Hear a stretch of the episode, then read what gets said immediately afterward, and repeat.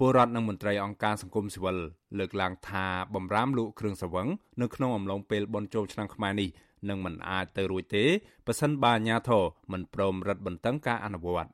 យុវជនម្នាក់រស់នៅរាជធានីភ្នំពេញលោកខាន់ភូមិនជំរុញឲ្យអាជ្ញាធរមូលដ្ឋានរឹតបន្តឹងការលក់គ្រឿងសង្វឹងនៅក្នុងមូលដ្ឋានរបស់ខ្លួនព្រោះកន្លែងលក់គ្រឿងសង្វឹងមានច្រើនងាយនឹងមានករណីលួចលក់គ្រឿងសង្វឹង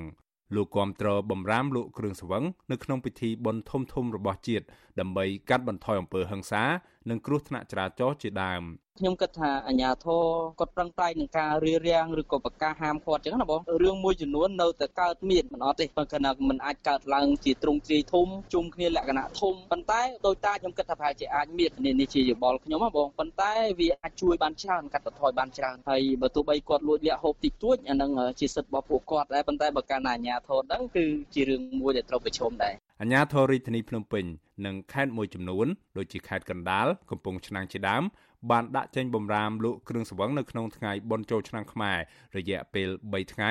ដើម្បីទប់ស្កាត់ការជួបជុំគ្នា និងទប់ស្កាត់ការឆ្លងរីករាលដាលនៃជំងឺ Covid-19 ក្នុងរយៈពេលនេះអាជ្ញាធរក៏បានណែនាំឲ្យតាមហាងលក់ចំណីអាហារភោជនីយដ្ឋាន កន្លែងលក់កាហ្វេ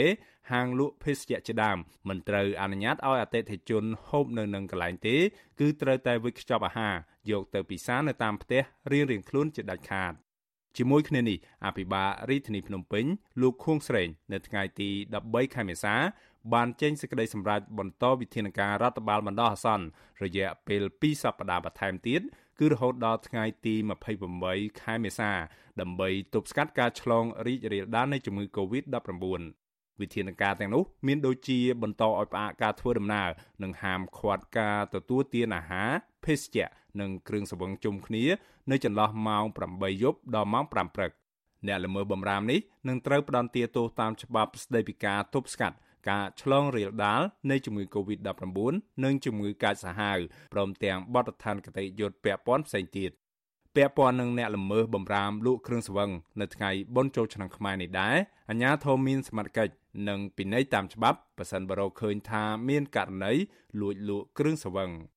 អ្នកនាំពាក្យរដ្ឋាភិបាលលោកផៃស៊ីផានលើកទឹកចិត្តដល់ពលរដ្ឋនិងអ្នកពាក់ព័ន្ធទាំងអស់ឲ្យគោរពបំរាមរបស់អាជ្ញាធរនិងត្រូវរាយការណ៍ប្រាប់សមត្ថកិច្ចប្រសិនបើទីតាំងណាមួយមានលួចលក់គ្រឿងសង្វឹងនៅថ្ងៃចូលឆ្នាំ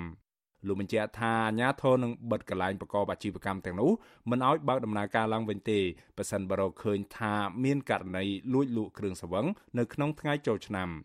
ចំណែកឯអ្នកលួចជួបជុំគ្នាពិសាគ្រឿងសង្វឹងលោកថាក៏នឹងត្រូវរងពិន័យនោះដែរអាហ្នឹងគឺគេដើរចាប់រលយប់តាគេដើរគួររលយប់តាគេចាប់យកទៅអនុវត្តនៅតុលាការមានដែរតែដូចខ្ញុំមើលឃើញដូចមាន3 4នាក់ចាប់បានតារួចខ្ញុំជំរាបជូនផងបើសិនជាកន្លែងណាដែលលក់អាគ្រឿងសង្វឹងហ្នឹងមានប្រឈមនឹងការបិទហាងនឹងមកឲ្យគេដំណើរការពាណិជ្ជកម្មផងអាហ្នឹងសូមប្រាប់ខ្ញុំផងទៅមន្ត្រីសង្គមស៊ីវិលស្វាគមន៍បំរាមនេះតែទាមទារឲ្យអាជ្ញាធរមានសមត្ថកិច្ច បង្កើនការផ្សព្វផ្សាយនិងចោះអនុវត្តនៅក្នុងមូលដ្ឋានទើបបំរាមលក់គ្រឿងសង្វឹងនៅក្នុងថ្ងៃបុណ្យចូលឆ្នាំខ្មែរមានប្រសិទ្ធភាពទៅបានប្រធានមជ្ឈមណ្ឌលប្រជាពលរដ្ឋដើម្បីអភិវឌ្ឍនិងសន្តិភាពលោកយងកំឯងជំរុញឲ្យអាជ្ញាធរដាក់បំរាមលក់គ្រឿងសង្វឹងនៅគ្រប់ទីកន្លែងទាំងអស់នៅទូទាំងប្រទេសដើម្បីទប់ស្កាត់ការជួបជុំគ្នានិងជាការកាត់បន្ថយថ្លៃចំណាយរបស់ពលរដ្ឋនៅក្នុងស្ថានភាពជួបវិបត្តិ COVID-19 ម្យ៉ាងវិញទៀតលោកថានៅក្នុងពិធីបុណ្យចូលឆ្នាំថ្មីប្រពៃណីជាតិដូចនេះពលរដ្ឋមិនគួរនាំគ្នាពិសាគ្រឿងស្រវឹងនោះទេ បរាមនេះនឹងមានប្រសិទ្ធភាពបានល្អប្រសើរទៅបានលុះត្រាណាតែអាជ្ញាធរនោះគាត់មានការចូលរួមតាមដានការអនុវត្តនោះជាពិសេសគឺអាជ្ញាធរគ្រប់ដំណាប់ថ្នាក់នោះគឺត្រូវតែតាមដាននៅការអនុវត្តនោះឲ្យបានសម្រេចដែរបើសិនជាគាត់តែចេញវិធានការឲ្យគ្មានការតាមដានត្រួតពិនិត្យច្បាស់លាស់ពីអាជ្ញាធរជាពិសេសអាជ្ញាធរដែលនៅគុំកាត់ហ្នឹងគឺมันអាចជោគជ័យបានទេបាទគឺភាពជោគជ័យឬមិនជោគជ័យនៃវិធានការនេះគឺស៊ីសអាជ្ញាធរដែលដែននៅមូលដ្ឋានទាល់របាយការណ៍របស់អង្គការសុខភាពពិភពលោក WHO បង្ហាញថារៀងរាល់ឆ្នាំមានមនុស្សប្រមាណ3លាននាក់ស្លាប់ដោយសារផលប៉ះពាល់បង្កពីការប្រើប្រាស់គ្រឿងស្រវឹងតាមរយៈជំងឺជាង200ប្រភេទដូចជាជំងឺមហារីកបំពង់អាហារមហារីកថ្លើមលើសសម្ពាធឈាមស្ទះសរសៃឈាមបេះដូងនិងខួរក្បាលក្រិនថ្លើម រលាកលំពេងនិងជំងឺវិកលវ៉ាប់ផ្លាស់ជាដើមក្រៅពីផលវិបាកនៃសុខភាព ការប្រើប្រាស់គ្រឿងស្រវឹងក៏បង្កឲ្យមានគ្រោះថ្នាក់ចរាចរណ៍អំពើហិង្សា ខាតបង់សេដ្ឋកិច្ចគ្រួសារនិងបញ្ហាសង្គមជាច្រើនរាប់មិនអស់ទៀតប្រជាពលរដ្ឋនិងមន្ត្រីសង្គមស៊ីវិលស្នើសុំអាជ្ញាធរមានសមត្ថកិច្ចបញ្ឈប់ការផ្សព្វផ្សាយពាណិជ្ជកម្មគ្រឿងស្រវឹងគ្រប់ប្រភេទកាត់បន្ថយភាពងាយស្រួលក្នុងការរកគ្រឿងស្រវឹង ការកំណត់អាយុអ្នកទិញនិងអាយុអ្នកពិសាគ្រឿងស្រវឹងព្រមទាំងការដំឡើងថ្លៃពន្ធលើផលិតផលគ្រឿងស្រវឹងឲ្យខ្ពស់ជាដើមដើម្បីចូលរួមកាត់បន្ថយការប្រើប្រាស់គ្រឿងស្រវឹងនៅកម្ពុជាខ្ញុំបាទមេរិតអាស៊ីស្រីរាយការណ៍ពីរដ្ឋធានី Washington